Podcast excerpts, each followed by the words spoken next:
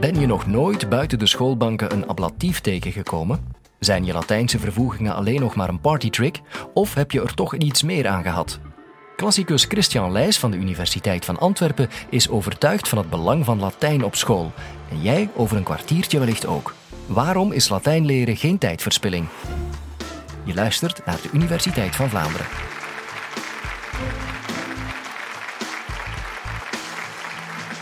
Zo'n twintig jaar geleden, beste mensen, startte ik mijn uh, carrière als leraar secundair onderwijs toen. Ik was leraar Latijn en ik herinner mij heel goed uiteraard die eerste klasjes. Ik herinner mij een klaslokaal waar op de achterwand een aantal cartoons getekend stonden. Op één cartoon stonden afgebeeld een jongen en een meisje. En ze voeren een vrolijk dansje uit. Ze zijn blij en de tekst van de cartoon luidt: Ik koos, of wij kozen goed, wij kozen Latijn.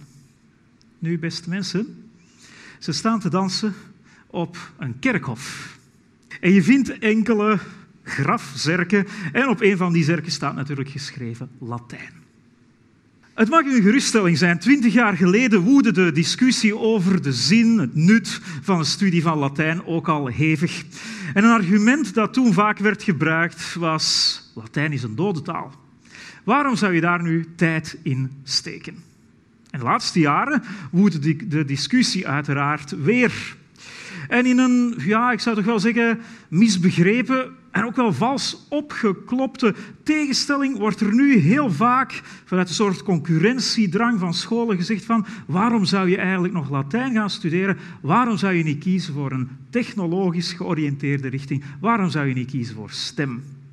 Wat ik hier zou willen doen in dit korte kwartiertje is één, u even vertellen hoe dom het eigenlijk is om Latijn een dode taal te noemen. En ten tweede, met jullie eventjes te kijken wat echt wel argumenten zijn om zinvol te zeggen, ja, ik kies voor de studie van het Latijn. Hier gaan we. Eerst en vooral, als iemand mij zegt van ja, ze beginnen altijd over die dode taal, wat moet ik daar dan op zeggen? Dan zeg ik altijd, vermijd voor een stukje die discussie, want je loopt dadelijk vast. Je loopt vast in een beeldspraak. Dat is de beeldspraak van de biologie, botanica en de dierkunde ook. Diersoorten, plantensoorten sterven uit. Wel, op die manier zegden biologen, wel op die manier kunnen ook talen uitsterven. En het is niet verwonderlijk dat in de 17e, de 18e eeuw, als de biologie als wetenschap meer en meer gaat ontwikkelen, dat je dat argument van de dode taal heel erg tegen het Latijn gebruikt vindt. Nu, dode taal is voor mij een taal die werkelijk van op een bepaald moment niemand meer gebruikt. Het Oud-Egyptisch, het Gotisch enzovoort. Maar voor het Latijn kan je dat nu absoluut niet zeggen. Tot op de dag van vandaag zijn er mensen die Latijn gebruiken, spreken, lezen en schrijven. Op het internet, beste mensen, vindt u schitterende voorbeelden. Een site als Latinitium, ontworpen door enkele Zweedse collega's, heeft onlangs zijn eerste verjaardag gevierd en bevat alles u kan hier blogs volgen en lezen in het Latijn. U kan hier auditief fragmenten van, authentiek, authentieke fragmenten van Latijnse auteurs beluisteren, ook visueel de zinnen zien verschijnen en zo tot tekstbegrip komen. Het is een heel mooi geïllustreerde site en een site die echt aanzet tot het leren van Latijn er zijn er andere. De Nederlandse site Adisco van collega Caspar Porton heeft een blog waar heel nadrukkelijk wordt gewezen op alle circuli latini die bestaan over de wereld. Het zijn er meer dan twintig. Het zijn verenigingen van Zuid-Amerika tot Azië gaande, waar mensen op geregelde tijdstippen samenkomen om Latijn te spreken, Latijn te beoefenen. Zoals er een Franse academie bestaat, bestaat er ook een Latijnse academie, de Academia Latinitati Fovendae. De website, volledig in het Latijn opgesteld, laat enkele activiteiten van deze academie zien, waar academici van over heel de wereld, 50 in totaal, deel van uitmaken. De congressen gaan ook altijd door volledig in het Latijn. En als u naar de ULE gaat, de ULE is de Finse nationale zender, dus de staatsomroep, radiozender, dan kan u daar luisteren naar de Nuntii Latini. Dat zijn voorwaar Latijnse nieuwsberichten die al meer dan 30 jaar in de ether gaan. Men heeft ooit een onderzoek gedaan en bleek dat over heel de wereld heel wat meer mensen in staat zijn van ongeveer die Latijnse berichten te beluisteren en te begrijpen. Heel wat meer mensen dan er mensen zijn die Finse berichten begrijpen. Laten we de proef op de som nemen. Laten we even luisteren. Nuunti latini radiofonie finnike generalis quos vobis recitat Virbiseppälä Pekkanen. Longe major pars Cataloniensium qui ad urnas venerunt in suffragio populi calendis octobribus facto pro independentia sententiam tulit.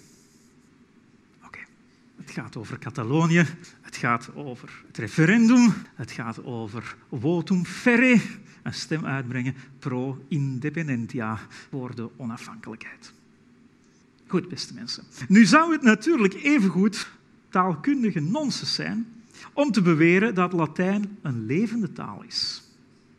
Want daarvoor is één wezenlijke voorwaarde niet meer vervuld. De Latijnse grammatica evolueert al van de tweede, derde eeuw na Christus niet meer. Terwijl elke levende taal uiteraard een taalevolutie heeft. Maar dat is juist een enorm voordeel.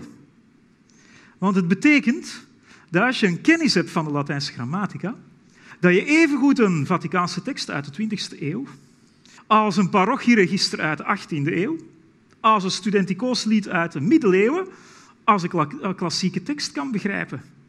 Dit gaat echt om dezelfde taal. Je hebt nooit die verschillen, zoals wij die bijvoorbeeld kennen, tussen Middel-Nederlands en het hedendaagse Nederlands. Dus dat het geen levende taal is, is een ontzettend voordeel. Wat is het dan wel? Geen dode taal, geen levende taal. Ik zeg altijd, Latijn is een cultuurtaal. Een taal die mensen over vele streken, over vele tijdsperioden verbindt. Ik kom er later nog even op terug. Ik weet en vermoed dat ik met de Nunti Latini ook wel een beetje nieuwsgierigheid bij u heb gewekt. En de vraag zou natuurlijk zijn, ja, als je dan zegt dat er toch mensen zijn die nu nog Latijn gebruiken, wat doen zij dan met nieuwe woorden? Ik heb drie voorbeelden van nieuwe woorden voor u meegebracht. Een auto. Een auto is niet meer of minder dan een zelfbeweger. Wel in het Grieks, het moderne Grieks, als je over een auto spreekt, dan spreek je over to autokinito. Naar analogie maakt men in het Latijn autokinetum. Dat is het woord dat je nu gebruikt voor auto. Goed, er zijn ook in het klassieke Latijn heel wat voorbeelden te vinden van het gebruik van Griekse woorden voor nieuwe uitvindingen, ontdekkingen. Dus je kan dat best doen. Een nuntius brevis. Een nuntius brevis is niet meer of minder dan een kort bericht. Een short message. En is de term die u zo kan gebruiken voor een sms.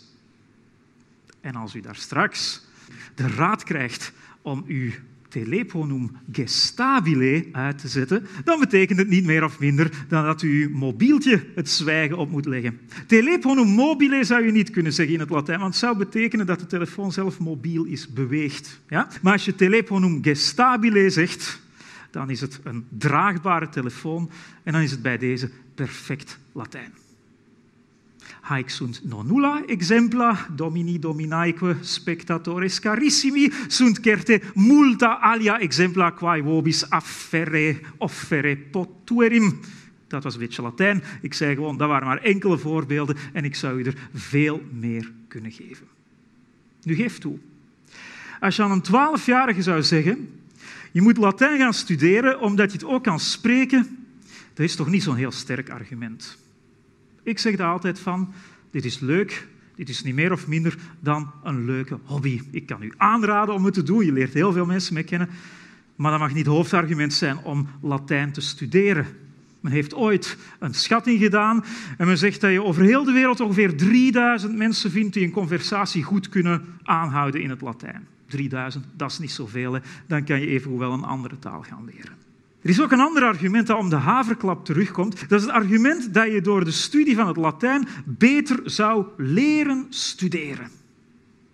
Methodiek ontwikkelen, woordjes blokken enzovoort. Is dat waar? Dat is natuurlijk waar, uiteraard. Maar het probleem is dat je dat van heel veel schoolvakken kan zeggen.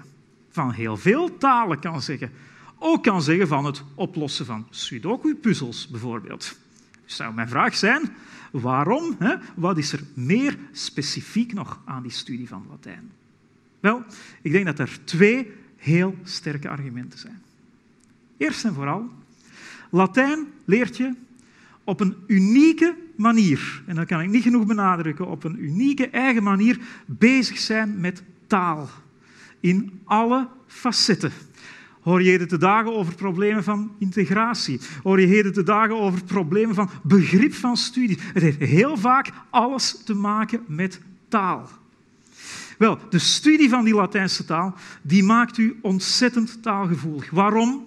Omdat die antieke auteurs de zaken zo mooi, zo beknopt en zo prachtig kunnen verwoorden. Luisteren we even mee naar een liefdesgedicht. Twee lijnen, niet meer. Ode et Quarit faciam fortasse requiris. Neschio, set firi sentio et ex crucior. Ik haat en ik bemin die tegenstelling. Waarom dat ik dat doe? Ik weet het niet. Maar ik voel het gebeuren en ik ga eraan kapot zegt Catullus in de eerste eeuw voor Christus. Zo mooi, zo bondig geformuleerd. Bezig zijn met taal. Tweede belangrijke argument. Latijn is een vak dat bij uitstek poorten opent. Poorten naar alle mogelijke cultuurdomeinen. Studeer je Latijn in het secundair onderwijs, dan maak je kennis met wezenlijke facetten van onze beschaving als recht. Hoe organiseer je een maatschappij? Geschiedschrijving. Hoe ga je kritisch om met je bronnen? Filosofie. De essentiële levensvragen, weet u wel, zijn allemaal gesteld ook door die antieke auteurs. Communicatie, oftewel retoriek, welsprekendheid. Hoe breng je een boodschap op een overtuigende wijze? Poëzie, zoals we daarnet een prachtig voorbeeld mochten genieten. Theater, toneel, tragedies die tot op de dag van vandaag nog worden uitgevoerd en door mensen genoten. Eind juli, begin augustus had ik het enorm genoegen van in Lexington, in Kentucky, in de Verenigde Staten te zijn, waar een conferentie doorging van de al vermelde Latijnse Academie. Thema van deze conferentie was reizen in de Latijnse literatuur. En wat zag je daar? Dat van in de oudheid over de nieuwe tijd tot in de 20e eeuw er ontdekkingsreizigers waren, missionarissen, Mensen die voor hun plezier reizen, die nieuwe streken die ze ontdekken, gaan beschrijven in de wereldtaal van die taal, het Latijn. Met andere woorden, daar werd heel duidelijk dat kennis van het Latijn u opnieuw poorten opent van China over Afrika tot helemaal Zuid-Amerika, zoals je in het wapenschild van de Braziliaanse stad São Paulo ook gewoon Latijn kan aantreffen. Dus kom ik heel graag tot volgende besluit. Is Latijn studeren geen tijdverspilling? Ik zou zeggen, het is helemaal geen tijdverspilling. En wel om twee heel belangrijke redenen. Ten eerste, het maakt u talig. Het biedt u een unieke kennismaking met dat hele fenomeen, dat rijke fenomeen van menselijke taal en menselijke communicatie. En ten tweede, Latijn maakt u tot wereldburgers. Latijn laat u kennis maken met beschavingen over vele eeuwen en over hele vele streken.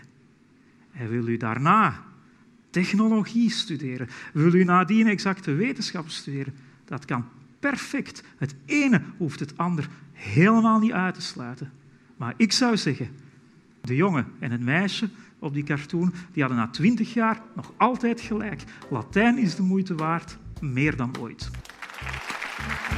Vond je dit interessant en wil je meer horen? Bijvoorbeeld wie de beste lampenbouwer was, Einstein of Edison? Surf dan naar radio1.be.